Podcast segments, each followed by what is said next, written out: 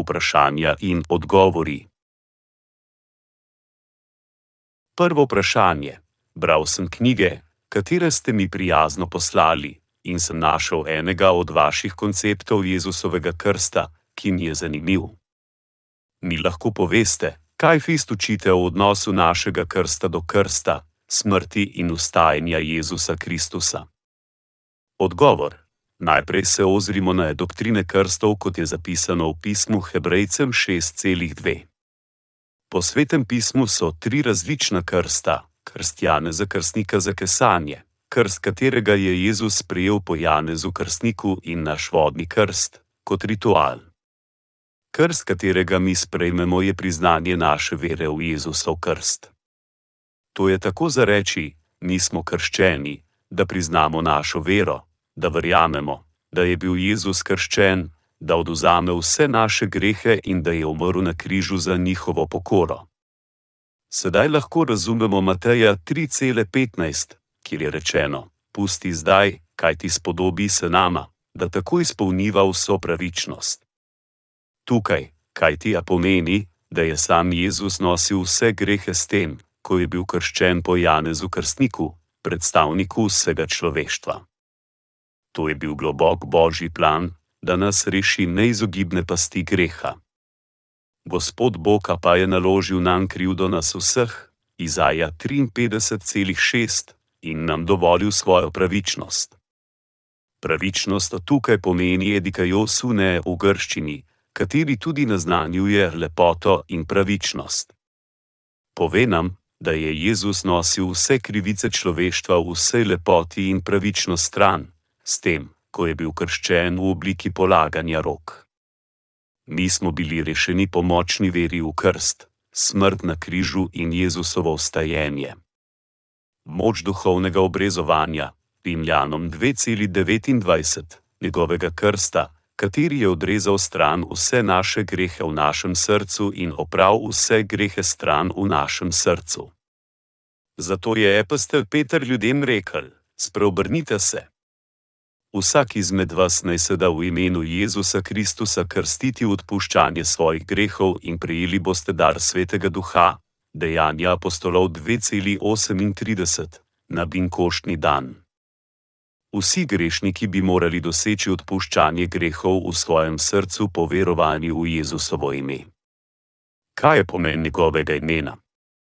Daj mu ime Jezus, kajti on bo svoje ljudstvo odrešil grehov, Matej 1,21. Ime Jezus pomeni rešitelj, kateri rešuje svoje ljudi vseh njihovih grehov. Kako nas je rešil vseh naših grehov? Jezus nas je rešil vseh naših grehov skozi svoj krst in smrtjo na križu. Ko so apostoli Jezusa Kristusa pričevali evangeliji, so zagotovili jasno razumevanje Jezusovega krsta in križa torej so poučevali resničen evangelij in krstili teste, ki so tako verjeli. Potem takem smo mi krščeni, da javno priznamo, da globoko v naših mislih verujemo z njegov krst in smrt na križu. Ko se krstimo, priznamo: Hvala ti, Gospod.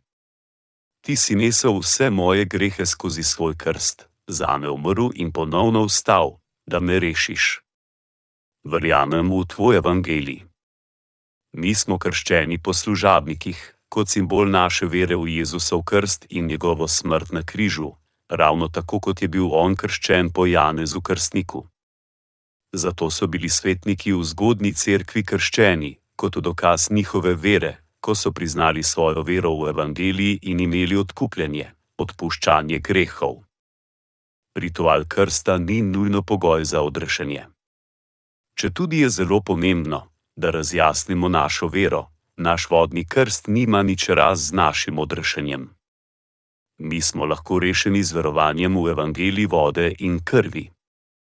Sveto pismo izjavlja, da smo krščeni v Jezusu Kristusu, Rimljanom 6,3, Galačanom 3,27, ko verjamemo v njegov krst.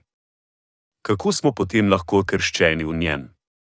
To je mogoče samo takrat, ko verjamemo v njegov krst, odkar je telo, naš stari jaz, bi lahko bil združen z Jezusom in bil križan z njim samo po veri v njegov krst. Potem takem, odkar je Jezus nesel vse naše grehe na križ, je bila njegova smrt sodba za naše nepravičnosti.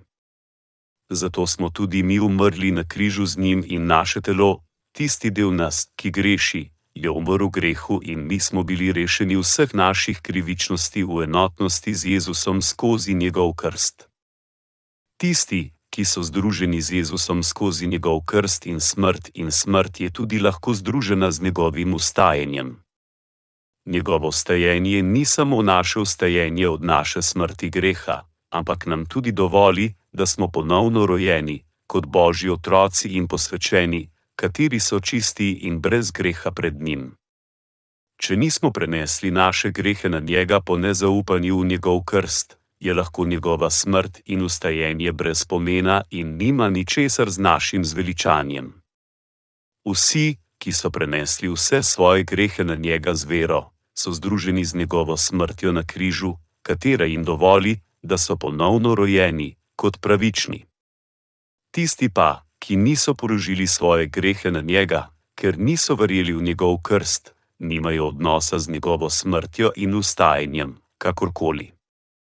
Krst vernikov je zaupanja vredno ravno tako, kot lahko prznamo moža in ženo, kot legalni par skozi poročni obred. Krst svetnikov je videna proklamacija takšne duhovne vere. Ko mi proklamiramo našo vero v njegov krst in križ pred Bogom, svetniki in svetom, naša vera postane bolj stanovitna. Če nismo razumeli resničnega pomena krsta, katerega je Jezus prijel po Janezu krstniku, ne bi smeli verjeti, da smo lahko rešeni, če ne verjamemo v njegov krst in njegov pomen. To je samo hudičev zvit trik. Mi lahko sprejmemo odpuščanje grehov in smo dobrodošli v nebesih z resničnim verovanjem v Jezusov krst v naših srcih, namesto da verujemo v naš krst. Drugo vprašanje: Kako lahko rečem, jaz sem pravičen, ko pa grešim vsak dan? Odgovor: Mi, kot človeška bitja, grešimo od dneva, ko smo se rodili, vse dokler ne umremo. Dejansko to je natanko proti naši osnovni naravi, da grešimo od začetka. Zato sveto pismo govori: ni pravičnega, niti enega, Rimljanom 3,10. Zato je epistel Pavel pred Bogom priznal, da zanesljiva je tale beseda in uredna popolnega sprejetja. Kristus Jezus je zato prišel v svet, da bi rešil grešnike, med temi pa sem prvi jaz, 1. Timotej 1,15. Zdaj pa se je brez postave pokazala božja pravičnost, o kateri pričujejo postava in preroki. Božja pravičnost se daje po veri v Jezusa Kristusa in sicer vsem, ki verujejo. Ni namreč nobene razlike, saj so vsi zgrešili in so brez božje slave, opravičeni pa so zaston po njegovi milosti, prek odkupitve v Kristusu Jezusu, Rimljanom 3:2:1:2:4. Ta božja pravičnost te pomeni, da je Janez Krstnik krstil Jezusa na Jordanu. Ko je bil krščen, je rekel Janezu: Pusti zdaj, kaj ti spodobi se nama, da tako izpolniva vso pravičnost. Matej 3,15. On je nesel grehe sveta na najbolj pravičen in jasen način, ko ga je Janez Krstnik, predstavnik človeštva, krstil. Tako je Janez naslednji dan, po Jezusovem krstu, izjavil: Glejte, boje jagnje, ki oduzema greh sveta, Janez 1,29. Kaj tukaj pomeni greh sveta? Predstavlja vse grehe vsega človeštva, od začetka Adama in Eve, prvih človeških bitij na Zemlji in tistih, ko bojo živeli v prihodnosti, so tudi del sveta. Jezus, Alfa in Omega, je daroval eno žrtev za grehe vseh časov, noseč vse grehe sveta enkrat za vse res skozi njegov krst na Jordanu in umiral na križu. In tako smo bili posvečeni. Svet pismo jasno izjavlja: Po tej volji smo z daritvijo telesa Jezusa Kristusa posvečeni enkrat za vselej, Hebrejcem 10,10. Zapomni si, da je to pisano v dovršenem sedanjem času. Mi smo bili povsem posvečeni in brezgrešni, od trenutka, ko smo začeli verovati v Boga, do sedaj in vedno bomo. Ker je Gospod vsemogočni Bog, ima ptiči pogled nad začetkom in koncem sveta. Zato je preden je umrl na križu dejal: Izpolnjeno je. Janez 19,30 On je oduzel vse grehe sveta okoli 2000 let nazaj in umrl na križu, da bi jih opravil. Mi še naprej grešimo, čeprav smo bili rešeni, ker je naše telo slabo. Kakorkoli, Jezus nas je odkupil od vseh grehov preteklosti, sedanjosti in prihodnosti z nošenjem vseh grehov na svojem telesu skozi svoj krst in sojenjem za njih na križu. To je celotno in pravično božje zveličanje. Če Jezus ne bi vzel s seboj grehe, katere bomo storili v prihodnosti, niti eden sam človek ne bi bil odkupljen dnevnih grehov, kajti plačilo za greh je smrt. Rimljanom 6,23. Ko sta bila Jakob in Ezau še v materinem telesu, ju je Bog razdelil na dva naroda, še preden sta torila nekaj dobrega ali slabega in ljubil Jakoba in sovražil Ezava in rekel: In starejše bo služilo mlajšemu. Prva Mojzesova 25,23. Ta odlomek naznačuje, da božje zveličanje nima ničesar skupnega z našimi dobrimi deli, ampak je dano tistim, ki enostavno verujejo v božje popolno zveličanje v njegov krst in križanje. Mi, človeška bitja, smo odrejeni za pekel, kot grešna bitja od trenutka, ko smo rojeni vse do naše smrti ampak Bog je predvidel naše grehe na prvi pogled in opravil vse naše grehe enkrat za vse z Jezusovim krstom in križem, ker nas je ljubil. Mi živimo po blagoslovljenem času. Prerok Izazja je rekel: Govorite hčer Jeruzalemski na srce in ji kličite, da je njena tlaka dokončana, da je njena krivda poravnana, ker je prejela iz gospodove roke dvojo kazen za vse svoje grehe, Izaja 40,2. Čas našega suženstva grehu se je končal skozi evangelij Jezusovega krsta in krža. Zato, kdorkoli veruje v evangelij, je lahko odrešen vseh svojih grehov. To je zaveza, ki jo bom sklenil z njimi po tistih dneh, govori Gospod. Svoje postave bom dal v njihova srca, v njihov razum jih bom zapisal, in njihovih grehov in njihovih nepostavnosti se ne bom več spominjal. Kjer pa je vse to odpuščeno, ni več daritve za grehe. Hebrejcem 1 nič 1 6 1 8. Bog nas ne sodi več za naše dnevne grehe, ker je že opravil vse grehe človeštva in jih sodil skozi Jezusa. Kot rezultat tega, mi lahko čakamo na Gospodov prihod in sledimo njegovo besedo, kakor pravični brez greha, pa čeprav še vedno grešimo v našem življenju. Tretje vprašanje: Kaj je krst obžalovanja po Janezu? Odgovor: Janez Krstnik je bil božji služenik, ki se je rodil šestih mesecev pred Jezusom in je bil napovedan v Malahiji, zadnji veliki prerok v stari zavezi. Spomnite se postave mojega služabnika Mojzesa, ki sem mu na Horebu zapovedal zakone in odlomke za vse Izrael. Glejte, pošiljam vam Nelidža, preroka, preden pride gospodov dan, veliki in strašni. Obrnil bom srce očetov k sinovom in srce sinov k očetom, da ne pridem in ne udarim dežele s prekletstvom. Malahija 3:2:2:3 Ko se je Jezus rodil, so Izraelovi ljudje zapustili božjo skrinjo zaveze in častili tuje bogove. Darovali so slepe in omadeževane živali kot daritev in naredili božjo tempelj za mesto trgovanja. Tudi Jezus Kristu je bil napovedan v Mojzesovem zakonu in prerokih. Zakon daje človeštvu spoznanje greha, kažujoč, kako so grešni, Rimljanom 3,20 greh je ne ustrajati po posameznih zapovedih, ki so zapisane v knjigah zakona. V stari zavezi je grešnik, kateri je bil neposlušen kateremu koli členu zakona, je prinesel daritev za greh na vhod v šotor, položil svoje roke na daritev za greh, da prenese svoje grehe, da bi bil ponovno združen z Bogom. Potem je duhovnik vzel nekaj krvi in jo namazal na robove oltarja žgane daritve in preostalo kri zlil na podlago oltarja. Kakorkoli, Izraelovo ljudstvo ni moglo biti odrešeno svojih grehov, nešteto nepozornih dnevnih daritev. Zato je Bog za njih naredil trajen statut, dan pokor. To je bil čas, ko bo odpustil njihove letne grehe na deseti dan sedmega meseca.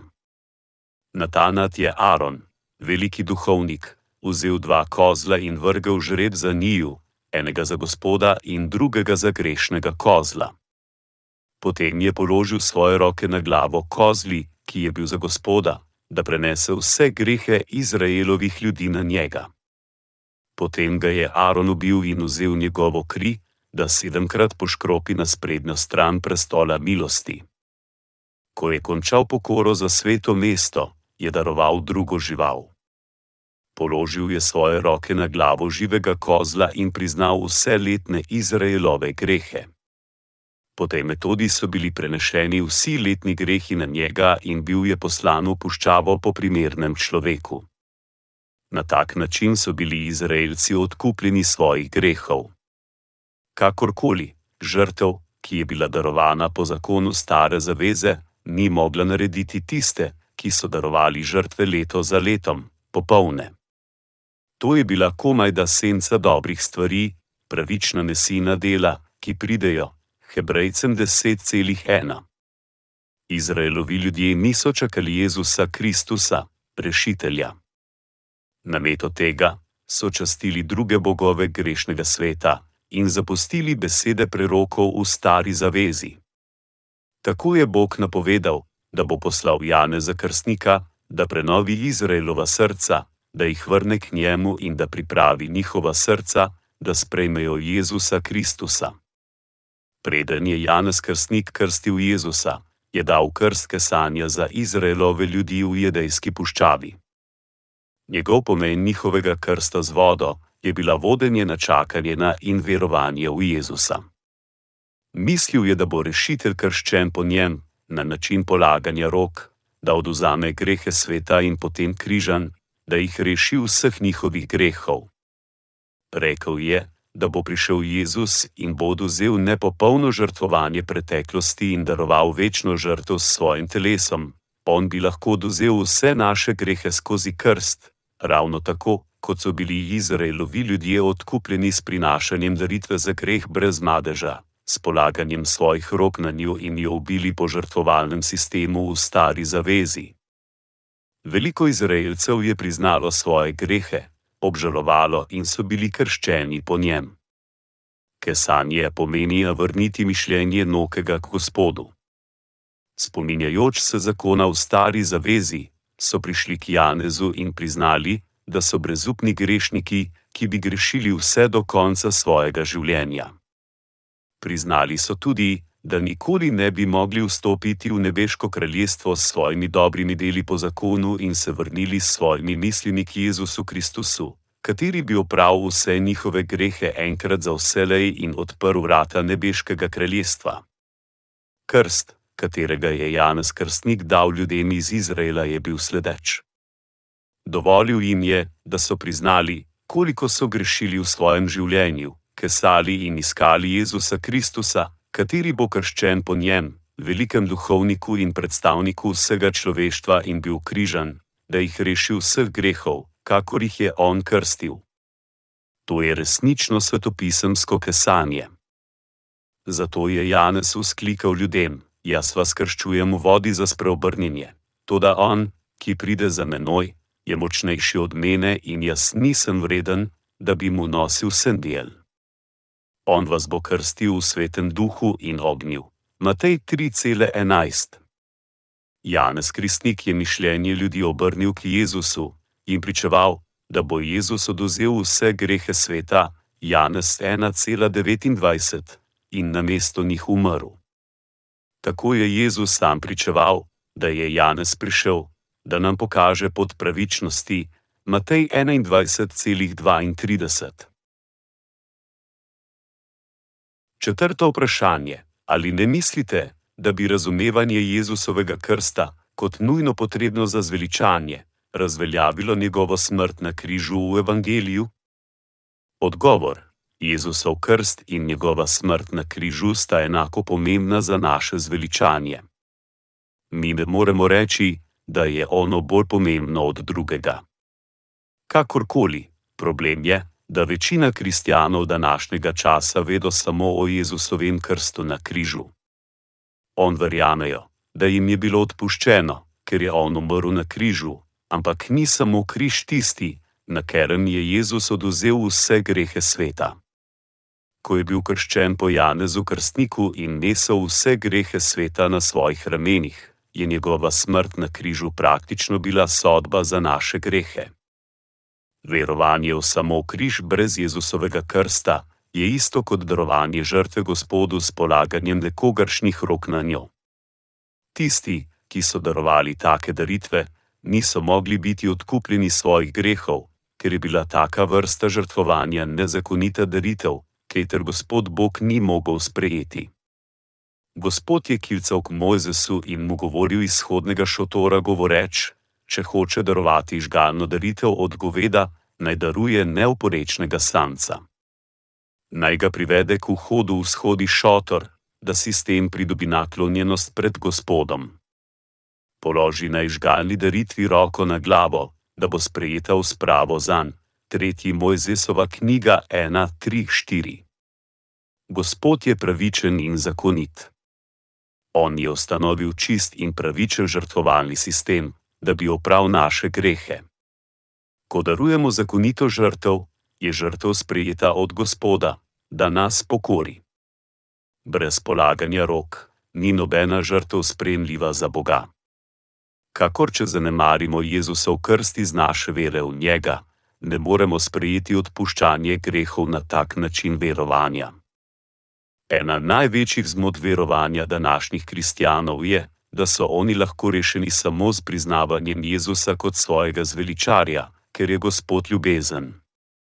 Sveto pismo seveda pravi: Vsak, kdor bi klical Gospodovo ime, bo rešen. Apostolska dela 2,21 Rimljanom 10,13, medtem ko nam pravi tudi, da ne pojde v nebeško kraljestvo vsak, kdor mi pravi: Gospod, Gospod, Matej 7,21. Da bi priznali, da je Jezus rešitelj, moramo poznati zakon zveličanja, katerega je Bog ustanovil. Če bi mi bili lahko rešeni samo z verovanjem v Jezusovo ime, potem ne bi bilo kakršnih koli razlogov za napisanje svetega pisma o žrtvovalnem sistemu v stari zavezi in o tistih, ki prakticirajo nezakonitost v Mateju 7,21.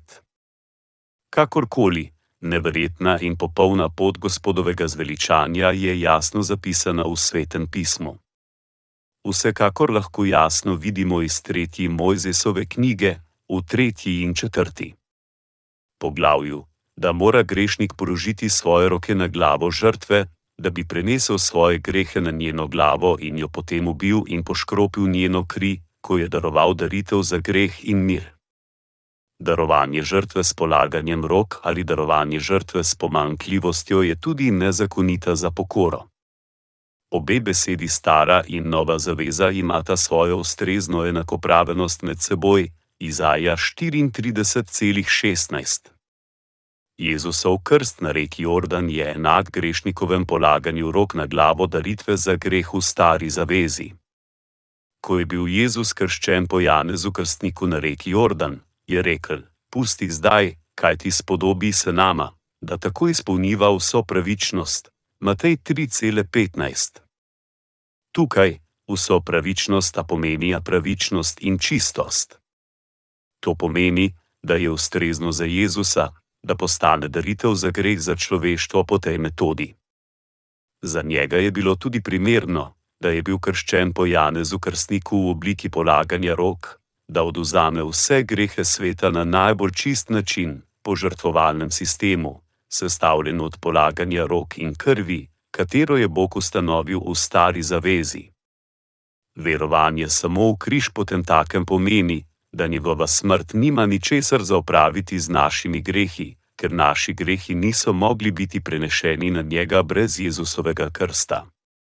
To je kot rezultat glede njegove krvi, kot nečista in nezmožna opranja grehov, Hebrejcem 10,29.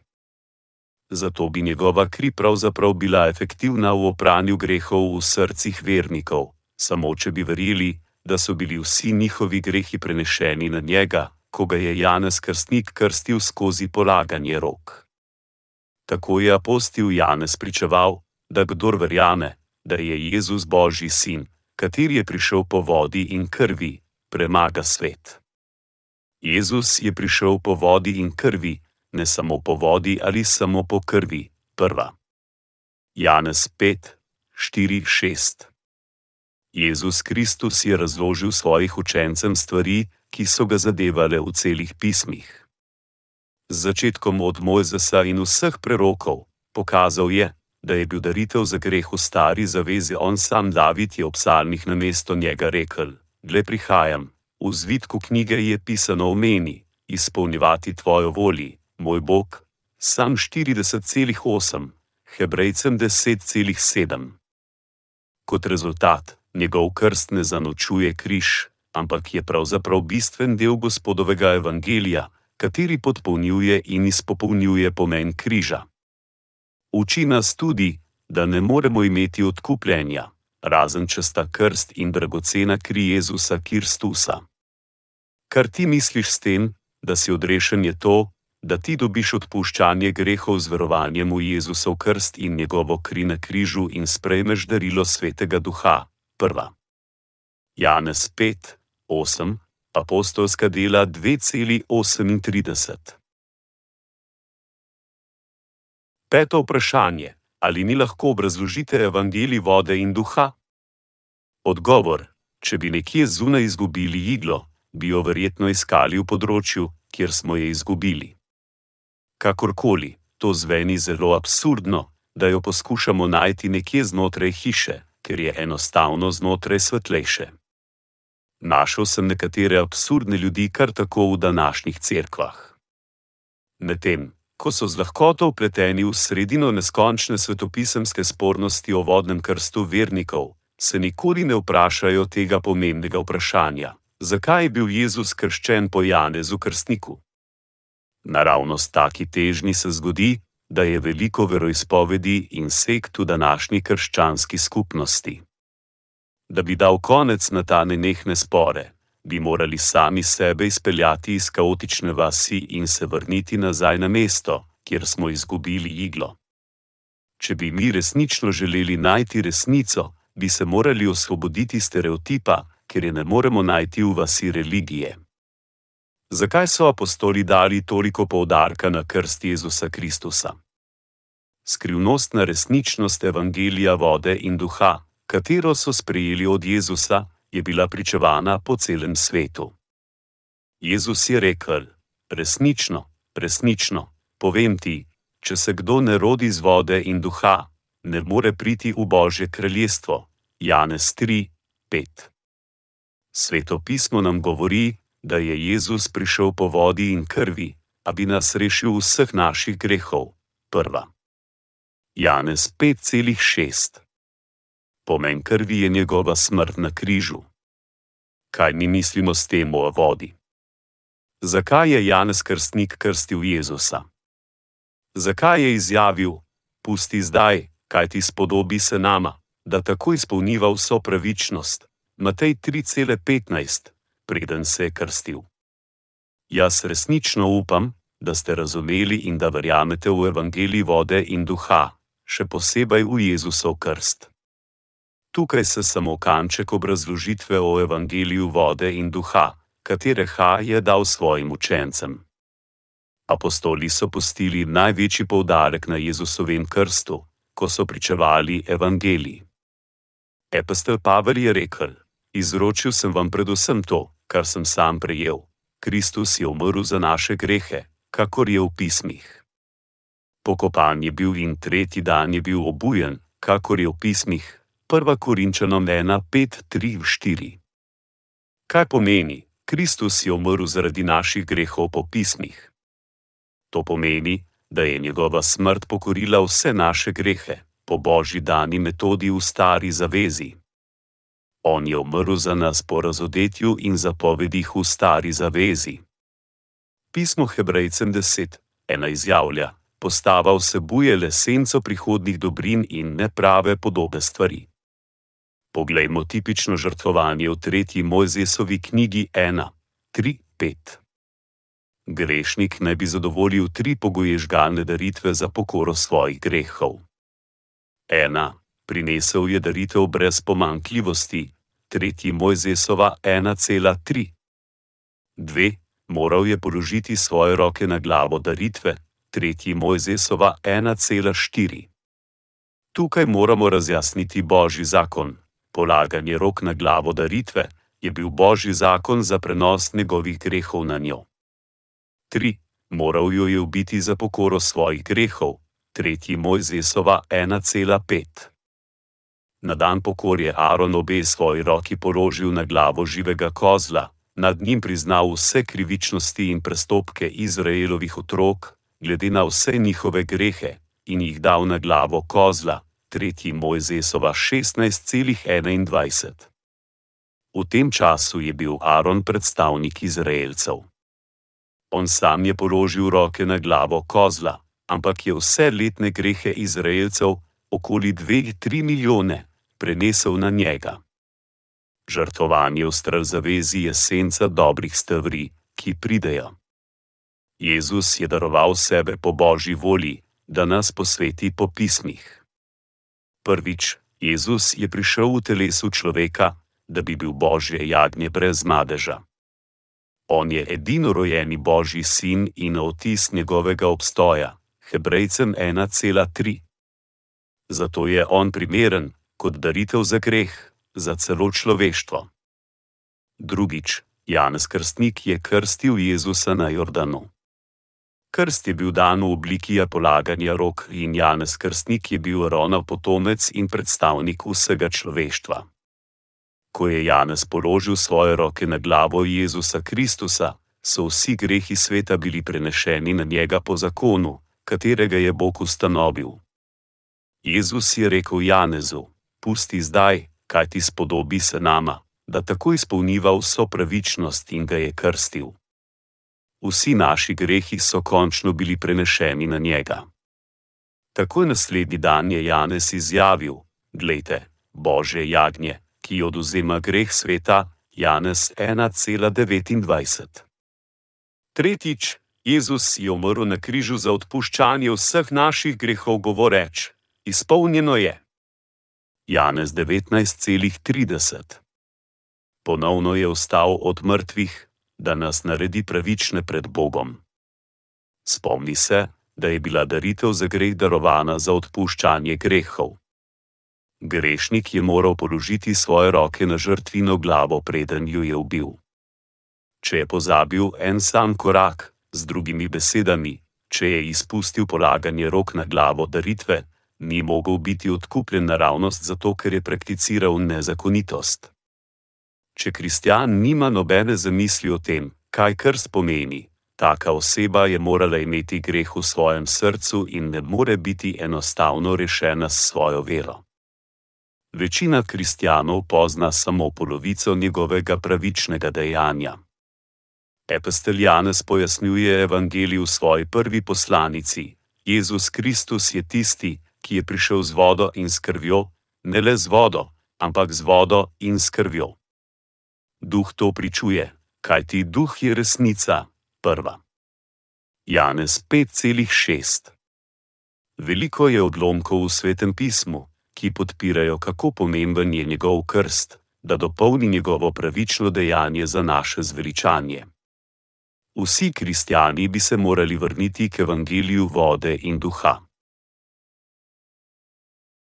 Šesto vprašanje: Katera pisma prinašajo dokaz, da so apostoli polagali velik pomen na Jezusov krst? Odgovor: Več kot vse ostalo, bi morali razložiti pomen našega krsta in Jezusovega krsta. Mi ne moremo biti ponovno rojeni samo po sprejetju vodnega krsta. mi smo lahko ponovno rojeni le po verovanju v Jezusa Kristusa. Rituali, kot sta krst ali obrezovanje, nista nujna pogoja za božje zveličanje. Svetopismo ne ne označuje vodnega krsta vernikov kot nekaj, kar je moraš narediti za zveličanje. Prej pa daje poudarek na krst, katerega je Jezus sprejel od Jane za krstnika. Dejstvo je, da veliko odlomkov v svetem pismu podpira, da je Jezusov krst neobhoden in nujen za naše zveličanje. Najprej, njegov krst je bil napovedan kot uvod v njegovo celotno pravično dejanje v vsakem od štirih evangelijev. Kot primer, evangelij po Marku se začne z evangelijem Jezusa Kristusa, natančno od Jezusovega krsta, in Janez je napisal evangelij v časovnem zaporedju, uporabljajoč terminologijo kot je naslednji dan 1,29 in na tretji dan 2,1 in začel od dneva, ko se je Jezus krstil. Janez Krstnik je objavil Božjo besedo takoj naslednji dan po Jezusovem krstu, govoreč: Glejte, jagnje Božje, ki oduzema greh sveta, Janez 1,29. Ta odlomek pomeni, da so vsi greho sveta bili prenešeni na Jezusa, ko ga je krstil Janez Krstnik. In potem je umrl na križu za pokoro naših grehov, govoreč: Izpoljeno je. Janez 19,30 in tretji dan ponovno vstal od mrtvih. Epistel Pavel je tudi rekel: Kristus je umrl za naše grehe, kakor je v pismih, 1 Korinčanom 15,3 pisma se tukaj nanašajo na staro zavezo.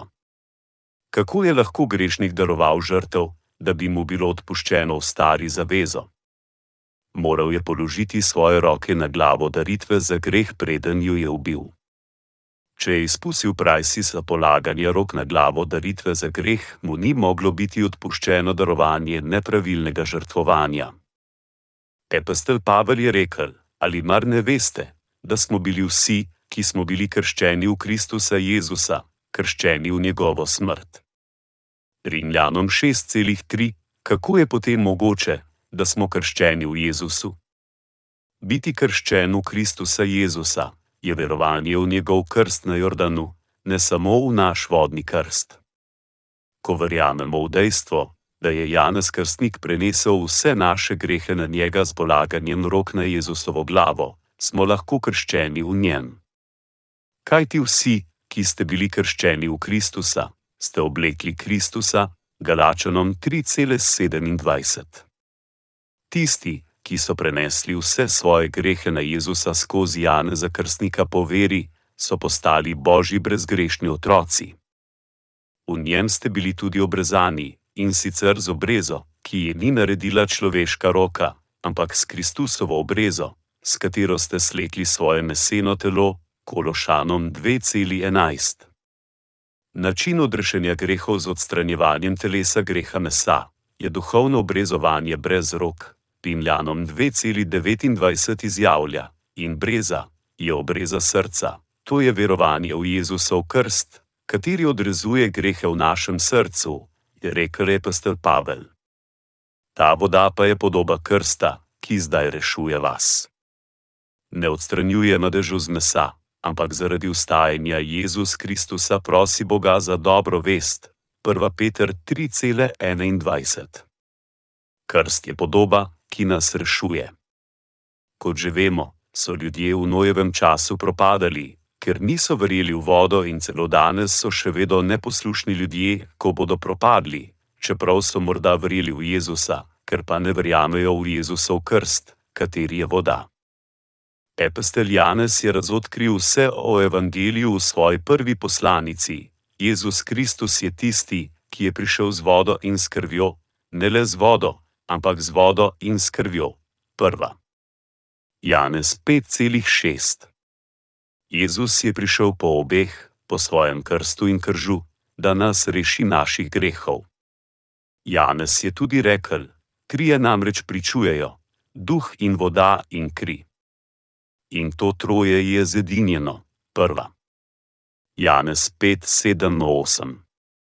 To nam pove, da je Jezusov krst, križ in duh vsi skupaj ustvarjajo eno popolno zveličanje. Jezus je rekel Nikodemu: Resnično, resnično, povem ti, če se kdo ne rodi z vode in duha, ne more priti v Božje kraljestvo. Janez 3,5 Mi smo ponovno rojeni v vodi in duhu.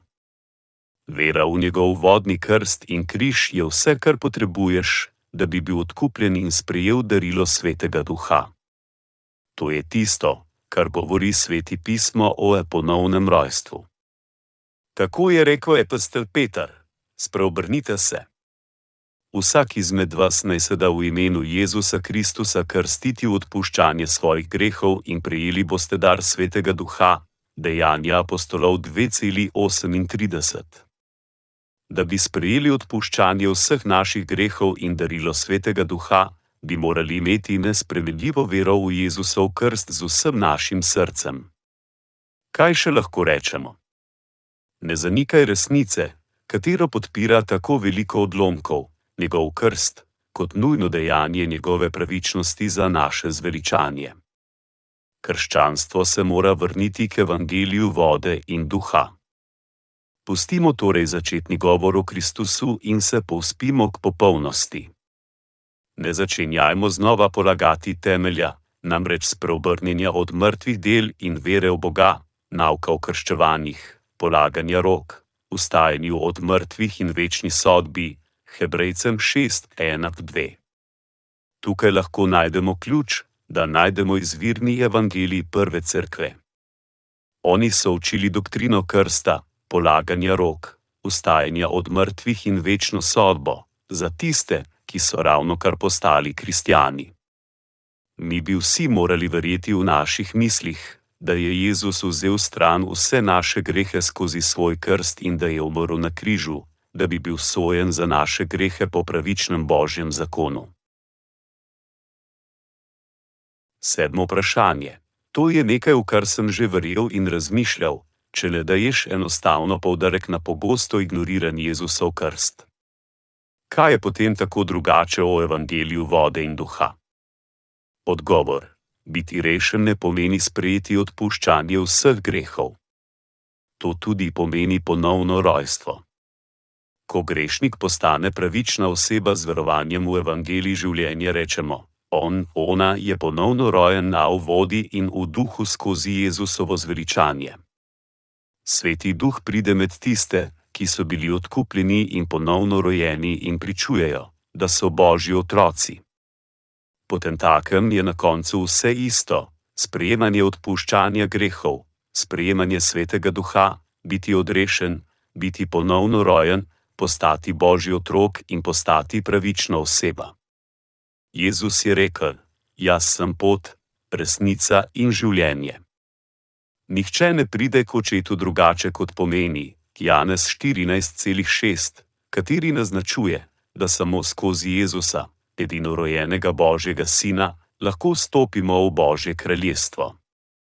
Odslej moramo vedeti, kako je Jezus opravil vse naše grehe in ušet v njegovo ljudstvo, kateri si zaslužijo vstop v njegovo kraljestvo. Čim manj, vendar večina kristjanov še vedno misli, da samo klicanje njegovega imena jih lahko reši. Oni verjamejo v Jezusa brez, da so kdajkoli odprli sveto pismo, brez da bi vedeli, da je bil ubit, da nas je rešil naših grehov. Bog je duh in je svet, s katerim ni razlike ali premikanja, ampak mi živimo grešna življenja. Vstop v Gospodovo kraljestvo je mogoče edino po Jezusu in vi lahko verjamemo v njega po veri v postavi duha življenja v Kristusu Jezusu, Rimljanom 8:1-2. Veliko ljudi celo ne ve, kaj je Jezus storil za zveličanje, raje za manj slepo verjamejo v van, govoreč: Gospod, Gospod. Oni tudi mislijo, da so rešeni, ampak še vedno imajo greh v svojem srcu. Če imaš še vedno greh v svojem srcu v sovražnosti svoje vere v Jezusa, od česa si bil potem rešen? Če nekdo vpraša, kako je Jezus opravil stran tvoje grehe? Obseg ljudi odgovarja: verjetno jih je opravil na križu. Potem na naslednje vprašanje: ali imaš greh v svojem srcu? Odgovorijo: Seveda. Kdo je lahko popolnoma rešen grehov na tej zemlji? Jezusovo ime pomeni: odrešenik, kateri odrešuje svoje ljudstvo grehov. Matej 1,21. Mi verjamemo v Jezusa, da bi bili rešeni grehov. Kakorkoli, če imamo še vedno greh v svojem srcu, pa čeprav verjamemo v Jezusa, smo še vedno prodano suženstvo grehu in bomo potem takem sojeni. Epistel Pavel je rekel: Zdaj ni torej nobene obsodbe za tiste, ki so v Kristusu Jezusu. Rimljanom 8,1. To je tako določeno, da nekdo, ki ima še vedno greh v svojem srcu, še ni eno s Kristusom Jezusom. Zakaj potem ostane grešnik, ki ni odkupljen in je odpadel staren on zveličanja, pa čeprav verjame v Jezusa? To je zato, ker verjamejo samo v kri na križu, brez polaganja svojih grehov na njega po Jezusovem krstu. Zato imajo še vedno greh v svojem srcu, medtem ko je Jezus umrl na križu nepozorno do njihovih grehov. Tam je značilna razlika za kristjane, kateri verjamejo v Jezusov krst in tiste, ki ne verjamejo. Nekateri imajo odkupitev in postanejo pravični po imetju vere v Jezusov krst, medtem ko drugi še vedno ostanejo grešniki brez vere v njega. Sveti duh ne pride na grešnika. On pride samo na pravičnega, kateri je ponovno rojen po vodi in duhu. Zato je epistel Pavel dejal: Ali mar ne veste, da smo bili vsi, ki smo bili krščeni v Kristusa Jezusa, krščeni v njegovo smrt? Rimljanom 6,3 veliko ljudi verjame, da je Jezus vzel vse naše grehe na križ, ampak nikoli ne moremo priznati, da imamo brezgrešna srca, če ne verjamemo v Jezusov krst. Če verjamemo, smo krivi laganja Bogu, kateri gre nasproti naši lastni vesti. Mi imamo sigurno greh v svojem srcu, če nismo prenesli vse naše grehe na Jezusa po verovanju v njegov krst. Za tiste, ki ne verjamejo v evangeliji Jezusovega krsta in križa, so nagnjeni k padu v legalizem in smrtni grešniki. Zato, karkoli delajo, kot moljenje globoko v gorah ali iskreno moljenje za odpuščanje med molitvenim sestankom, oni še vedno najdejo grehe, ki so ostali v njihovih srcih. Jezus je rekel: Ne pojde v nebeško kraljestvo vsak, kdor mi pravi: Gospod, Gospod, ampak kdor uresničuje voljo mojega očeta, ki je v nebesih. Veliko mi jih bo reklo tisti dan: Gospod, Gospod, ali nismo v tvojem imenu prerokovali in v tvojem imenu izganjali demonov in v tvojem imenu storili veliko mogočnih del? In takrat jim bom naznajil: Nikoli vas nisem poznal. Pojdite proč od mene, kateri ravnate nepostavno. Matej 7, 2, 1, 2, 3, komu je namenjeno, kateri ravnate nepostavno. To je namenjeno tistim, ki niso sprejeli popolnega odkupljenja v svojih srcih, ker so verjeli samo v križ. To je poljubna vera, ki ni od Boga. Mi vadimo nezakonitost, če ne verjamemo v dejstvo, da nas je Jezus rešil skozi svoj krst in križ. Mi ne moremo reči, da imamo pravilno vero preden vemo in verjamemo v oboje, Jezusov krst in križ. Jezus je rekel, da če ljudje želijo biti ponovno rojeni, je edino mogoče po vodi in duhu. Ravno tako, kot ljudje, ki bi lahko bili odrešeni poplav, če bi verjeli v Noetovo barko, lahko sprejmeš odpuščanje vseh svojih grehov in živiš resnično zakoniti življenje, samo če verjameš v evangeliji vode in duha brez evangelija vode in duha, ne moreš sprejeti odpuščanje grehov, niti postati božji otrok. Osmo vprašanje: Bil sem prepričan, da me je verovanje v Jezusa rešilo. Imel sem mir v prepričanju v svojem srcu. Sedaj pa sem zmede zaradi vašega sporočila. Ali naj še zraven verjamem v njegov krst skupaj z njegovim križem, da bi bil rešen? Odgovor: Če ne veruješ v Jezusov krst, je sigurno, da imaš greh v svojem srcu.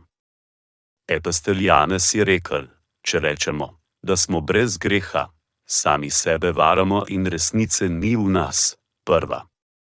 Janez 1,8. Če rečeš, da nimaš greha, pa čeprav dejansko imaš greh, ker ne verjameš v Jezusov krst, je to dejanje zapeljevanja tvoje lastne vesti in je dokaz, da resnice ni v tebi. Prepričanje zveličanja pride na dan v naša srca, ko sprejmemo odpuščanje grehov in svetega duha, kot darilo po verovanju v oboje, Jezusov krst in križ. Epistel Pavel je rekel: drugačnemu evangeliju, ki pa ni drug evangelij, Galačanom 1,7. Nič, ampak evangelij vode in duha, katerega so apostoli sprejeli od Jezusa in ga pričevali ljudem, nas lahko reši vseh naših grehov. Če ne verjamemo v evangelij vode in duha, katerega so apostoli pričevali, imamo sigurno še vedno greh v svojem srcu. Kako lahko živimo v prepričanju, da smo zveličani, ko pa imamo še vedno greh v svojem srcu? Ko se kristijani, ki niso ponovno rojeni, lepo ponašajo pred Bogom, so prepričani o svojem zveličanju, polnem veselju in prepričanju, kakorkoli, oni imajo pomankanje prepričanja in se bojijo zaradi bremena grehov v svojih srcih, ko storijo nekatere resene grehe, to je lažno zveličanje temeljeno na njihovih lastnih mislih in emocijah, ki niso od Boga. Oni so nagnjeni k darovanju molitev kesanja vsak dan, da postanejo postopoma posvečeni in da obdržijo svoje lahko majavo zveličanje. Tisti, ki verjamejo v to lažno zveličanje, mislijo, da bodo nekega dne popolnoma rešeni, če obdržijo sveta življenja proseč Boga za odpuščanje vsak dan in držati zakon po dejanjih. Vseeno so še vedno grešniki, če niso porožili svoje grehe na Jezusa skozi vero v njegov krst. Zveličanje, katerega je Bog ustvaril, je popolno zveličanje, katero nam pove, da je Jezus oduzel vse grehe sveta skozi svoj krst po Janezu krstniku na Jordanu in jih oprav na križu. Tako je epistel Pavel rekel: Če pa svoje grehe priznavamo, nam jih bo odpustil in nas očistil vse krivičnosti, saj je zvest in pravičen. Prva. Janez 1,9. Če vsi tvoji grehi ne bi bili odpuščeni skozi evangelij vode in duha zaradi nepoznanja, jih moramo priznati pred Gospodom in vedeti, da smo odrejeni za pekel zaradi naših grehov to je resnično kesanje za grehe. Greh ne more biti opran brez evangelija vode in duha, ne glede na to, kako majhen je. Ko se mi kesamo na tak način, evangelij vode in duha opere stran vse naše grehe naenkrat in nas naredi pravične. Sedaj je sprejemljiv čas, druga Korinčanom 6,2. Kdorkoli sliši in verjame v evangelij Jezusovega krsta in križa, je rešen vseh svojih grehov, postane pravičen in ima močno vero, da je vedno pripravljen za vstop v nebeško kraljestvo, kadarkoli bi prišel Gospod. Katerakoli vera v doktrine in teologije, vse druge kot pa resničen evangelij, nas ne morejo rešiti naših grehov.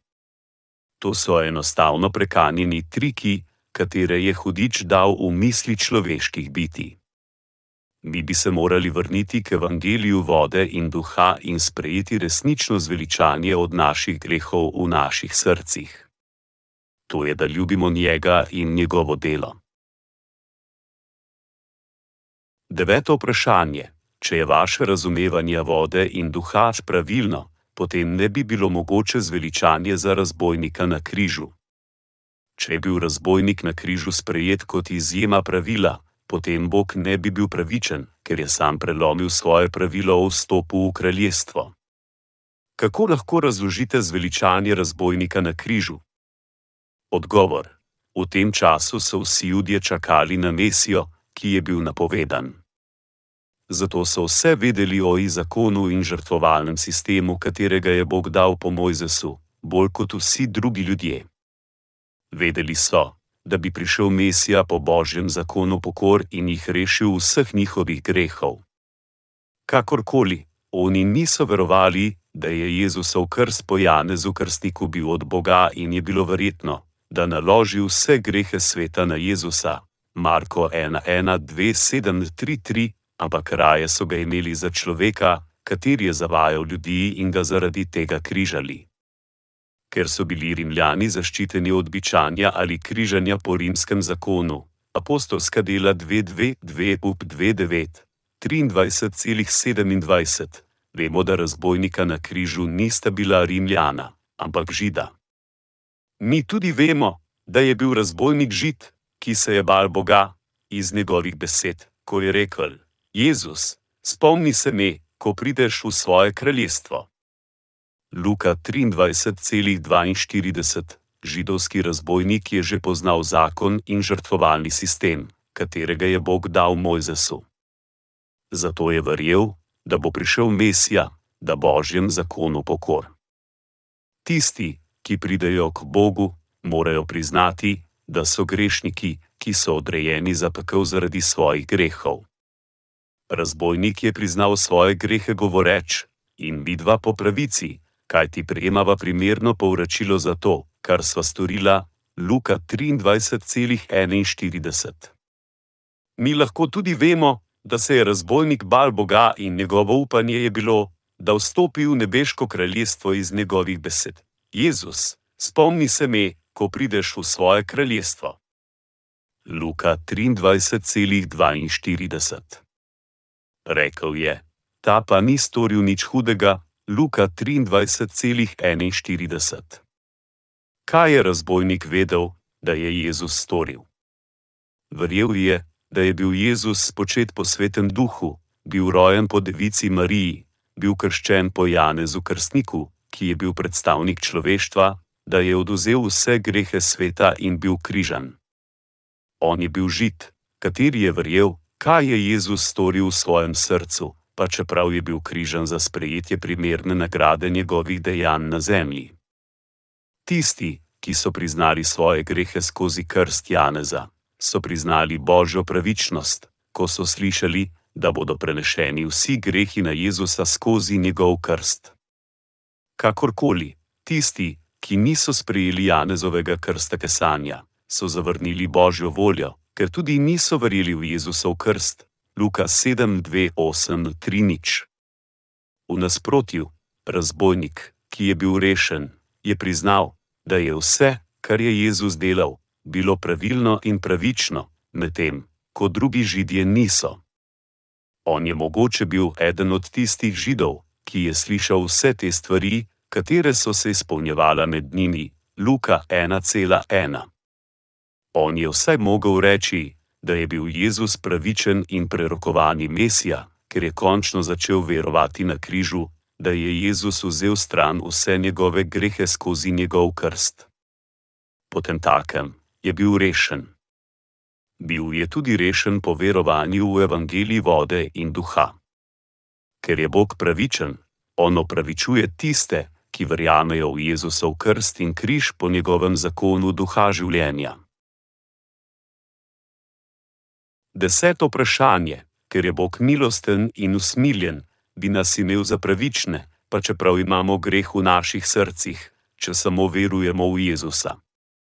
Odgovor: Bog je ljubezen in je tudi pravičen. Odslej sodi greh pravično, ne glede na kaj.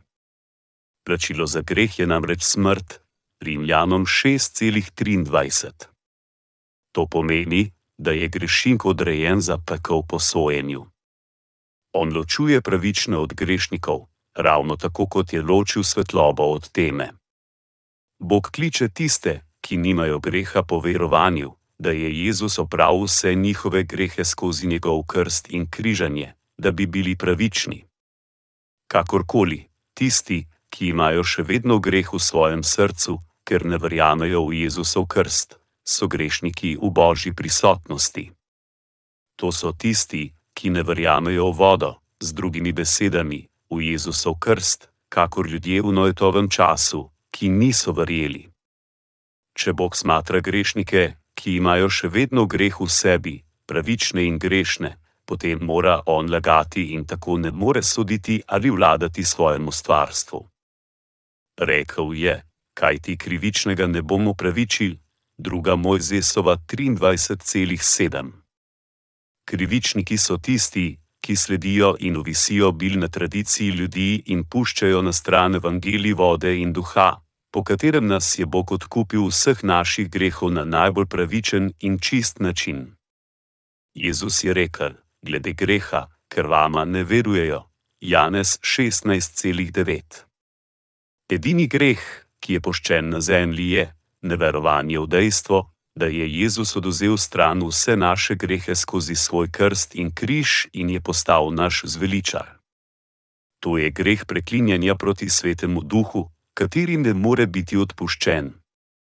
Sploh ni druge poti za tiste, ki preklinjajo svetega duha, da bi bili rešeni, ker ne verjamejo, da je Jezus opravil vse njihove grehe. Epastel Janez je rekel: Vsak, kdor greši, ravna tudi nepostavno, kaj ti greh je nepostavnost. Šest veste, da se je on razodel, da bi oduzel grehe, da pa v njem ni greha. Kdor ostaja v njem, ne greši, kdor pa greši, ga ni videl in ga ni poznal. Prva. Janez 3, 4, 6. To je storitev nezakonitosti, če ne verjameš v dejstvo, da je Jezus oduzel stran vse naše grehe skozi svoj krst in križ. Na zadnji dan on bi zavrnil tiste, ki storijo tako nezakonitost. Tisti pa, ki ustrajajo v njem, nimajo greha in so združeni z Jezusom po krstu v njem. Tisti, ki so porožili vse svoje grehe celega življenja na njega po svojih verah v njegov krst, nima greha, pa čeprav grešijo zaradi slabosti telesa. Bog kliče tiste, ki so položili svoje grehe na Jezusa in so postali posvečeni po zakonu duha življenja, da so pravični. On jim da svetega duha kot dar. Sveti duh nikoli ne pride med tiste, ki imajo greh v svojem srcu. David je rekel v psalmu: Zares, ti nisi Bog, ki bi se veselil krivičnosti, hudobni ne more gostovati pri tebi. Sam 5,5. Božji sveti duh nikoli ne biva v srcu tistega, ki ima greh v sebi. Celo grešnik, ki nima svetega duha v sebi, lahko reče, da je bil rešen greha po doktrini in svojih mislih. Kakorkoli, nihče ne more nikoli reči, da nekdo nima greha v svojem srcu in je pravičen z vero, ker ga napada vest. Zato taka oseba reče, da je grešnik v pogledu drugih ljudi, ampak dejansko misli, da je pravična oseba pred Bogom. Bog nikoli ne imenuje grešnika pravični. Grešnik je predmet njegove sodbe in grešnik mora verjeti v evangelij vode in duha, da bi bil rešen.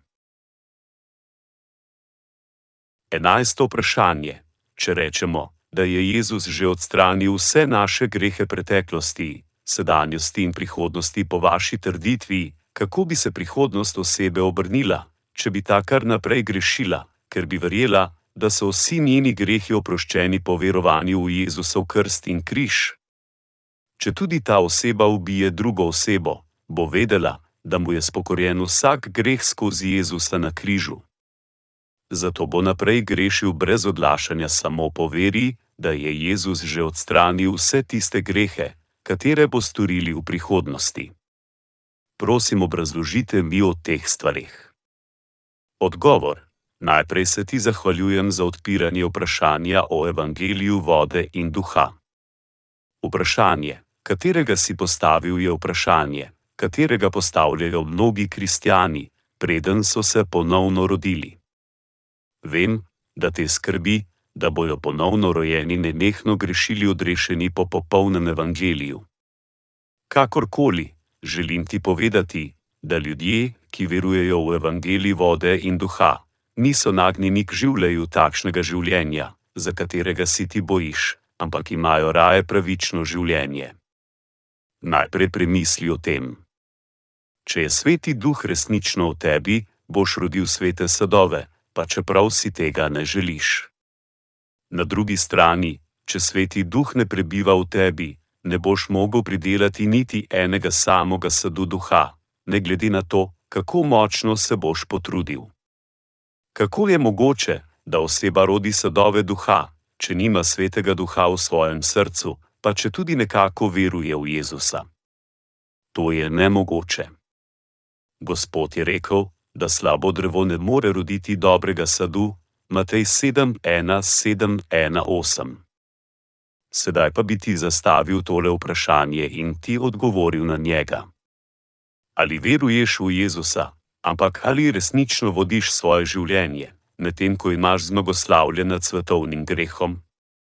Ali živiš kot pravični božji služabnik, premagujoč svetovni greh, bolj služiš Gospodu in dovoliš drugim, da so rešeni vseh svojih grehov z prinašanjem evangelija vode in duhanjem? Ali si resnično postal pravična oseba, ki nima niti prezirajoče količine greha po verovanju v Jezusa? Edina vera in evangelij, ki ti dovoljujeta, da odgovoriš z da na ta vprašanja, je evangelij vode in duha, katerega je Gospod pričeval v stari in novi zavezi. Mi v svetu nadaljujemo grešiti, pa če tudi verujemo v Jezusa.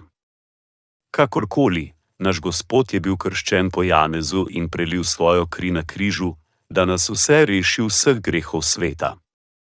Zato je Gospod storil pravično dejanje za nas in mi smo bili rešeni naših grehov po veri v Božjo pravičnost, Gospodov krst in kri, po kateri nas je osvobodil grehov. Spet bi ti postavil nekaj vprašanj ali si osvobojen grehov svoje vesti? Ali nisi bil grešnik celo po verovanju v Jezusa, kakor si bil, preden si verjel v njega? Če je tako, je to zato, ker nisi vedel o evangeliju vode in duha.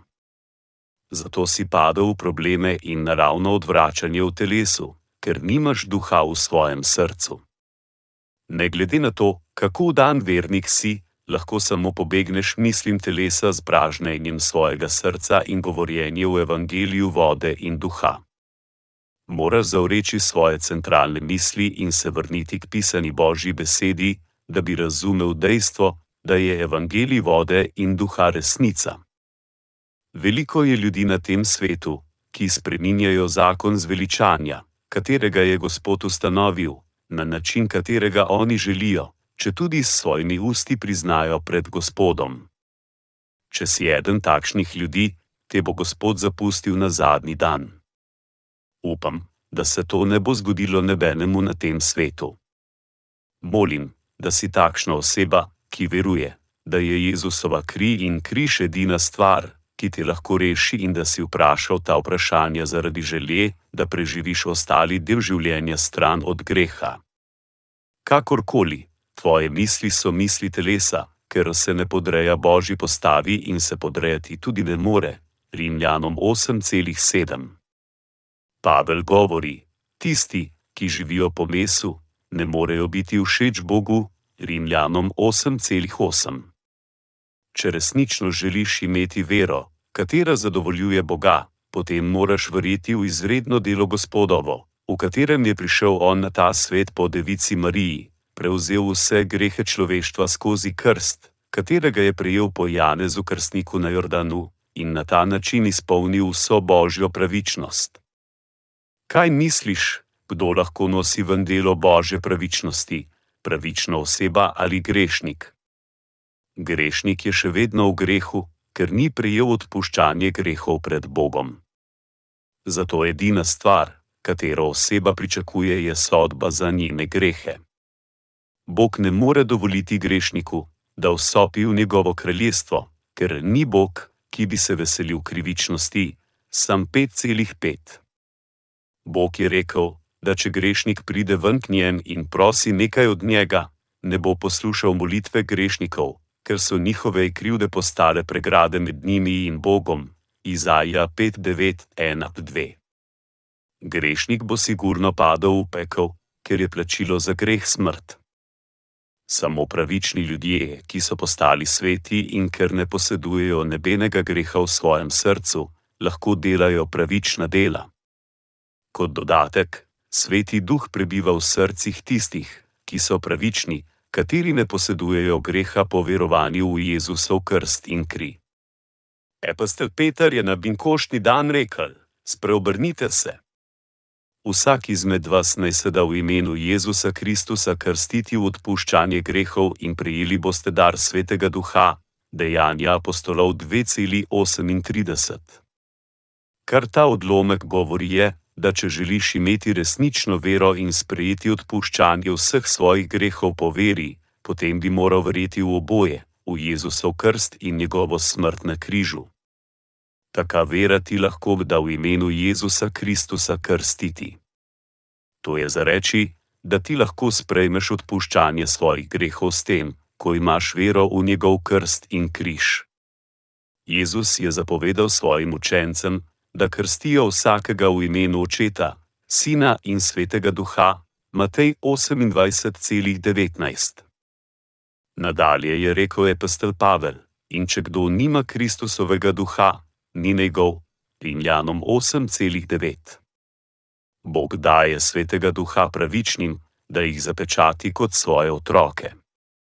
Sveti duh ne more prebivati znotraj grešnika, ker posedujejo greh. Sveti duh ne mara greh, raje ima svetost, odvojen od greha. Duh vodi pravične ljudi po pravičnih poteh in jih vodi, da sledijo očetovi volji. In kaj je potem ta očetova volja? To je, da širiš evangeli vode in duha ljudem vseh narodov in da se jih krsti po veliki določbi. Telesa pravičnih in grešnikov grešijo vse do smrti. Kakorkoli, Gospod je storil pravično dejanje izločanja vseh grehov ljudi, katere storijo v telesu in svojem srcu z njegovim krstom in skrvjo.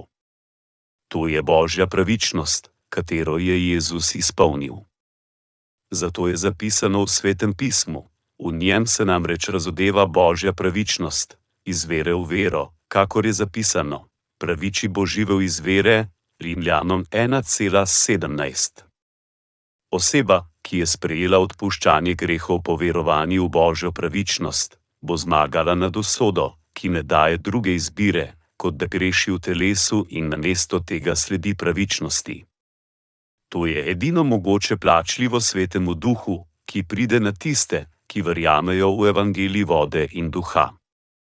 Vse grehi preteklosti, sedanjosti in prihodnosti pravične osebe so bili prenešeni na Jezusa v času, ko je bil krščen po Janezu Krstniku. Telo pravičnega je umrlo skupaj z Jezusom. Ko oseba začne verovati v to, se združi z Jezusom v podobi njegove smrti. To postane sodba za vse njene grehe, Rimljanom šesti. Poglavje. Zato, če tudi telo pravičnega greši vse svoje življenje, sveti duh biva v njegovem srcu in ga vodi, tako da lahko sledi duha. Pravična oseba sledi svetemu duhu in dela božje delo, ker v njem prebiva sveti duh. Celo v času apostolov so mnogi ljudje nerazumno krivili ponovno rojene, ker predrzno vznemirjenje nad življenji ponovno rojenih ljudi, katerim je vladal sveti duh. Kakorkoli, ti ljudje niso razumeli resničnega evangelija vode in duha, katerega so pričevali apostoli, kot nagonske misli telesa.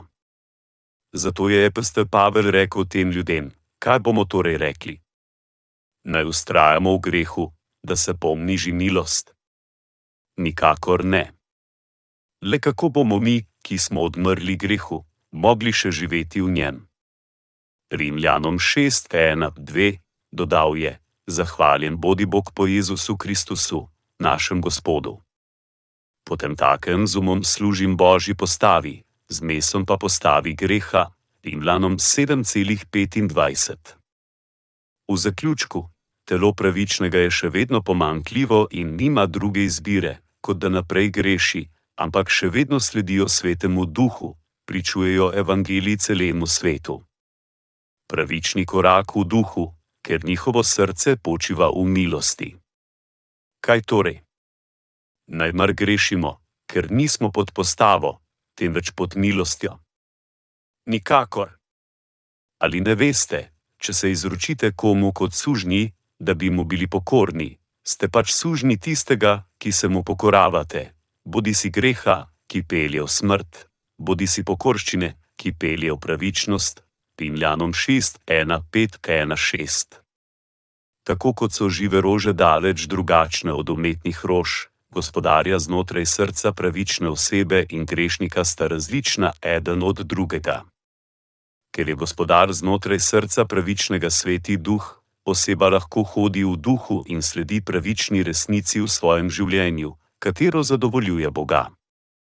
Na drugi strani je grešnik, ki nima druge izbire, kot da sledi grehu, ker je gospodar znotraj njega on sam grešnik, ne more voditi svetega življenja, ker nima duha, primernega svojim mnogim krivičnostim.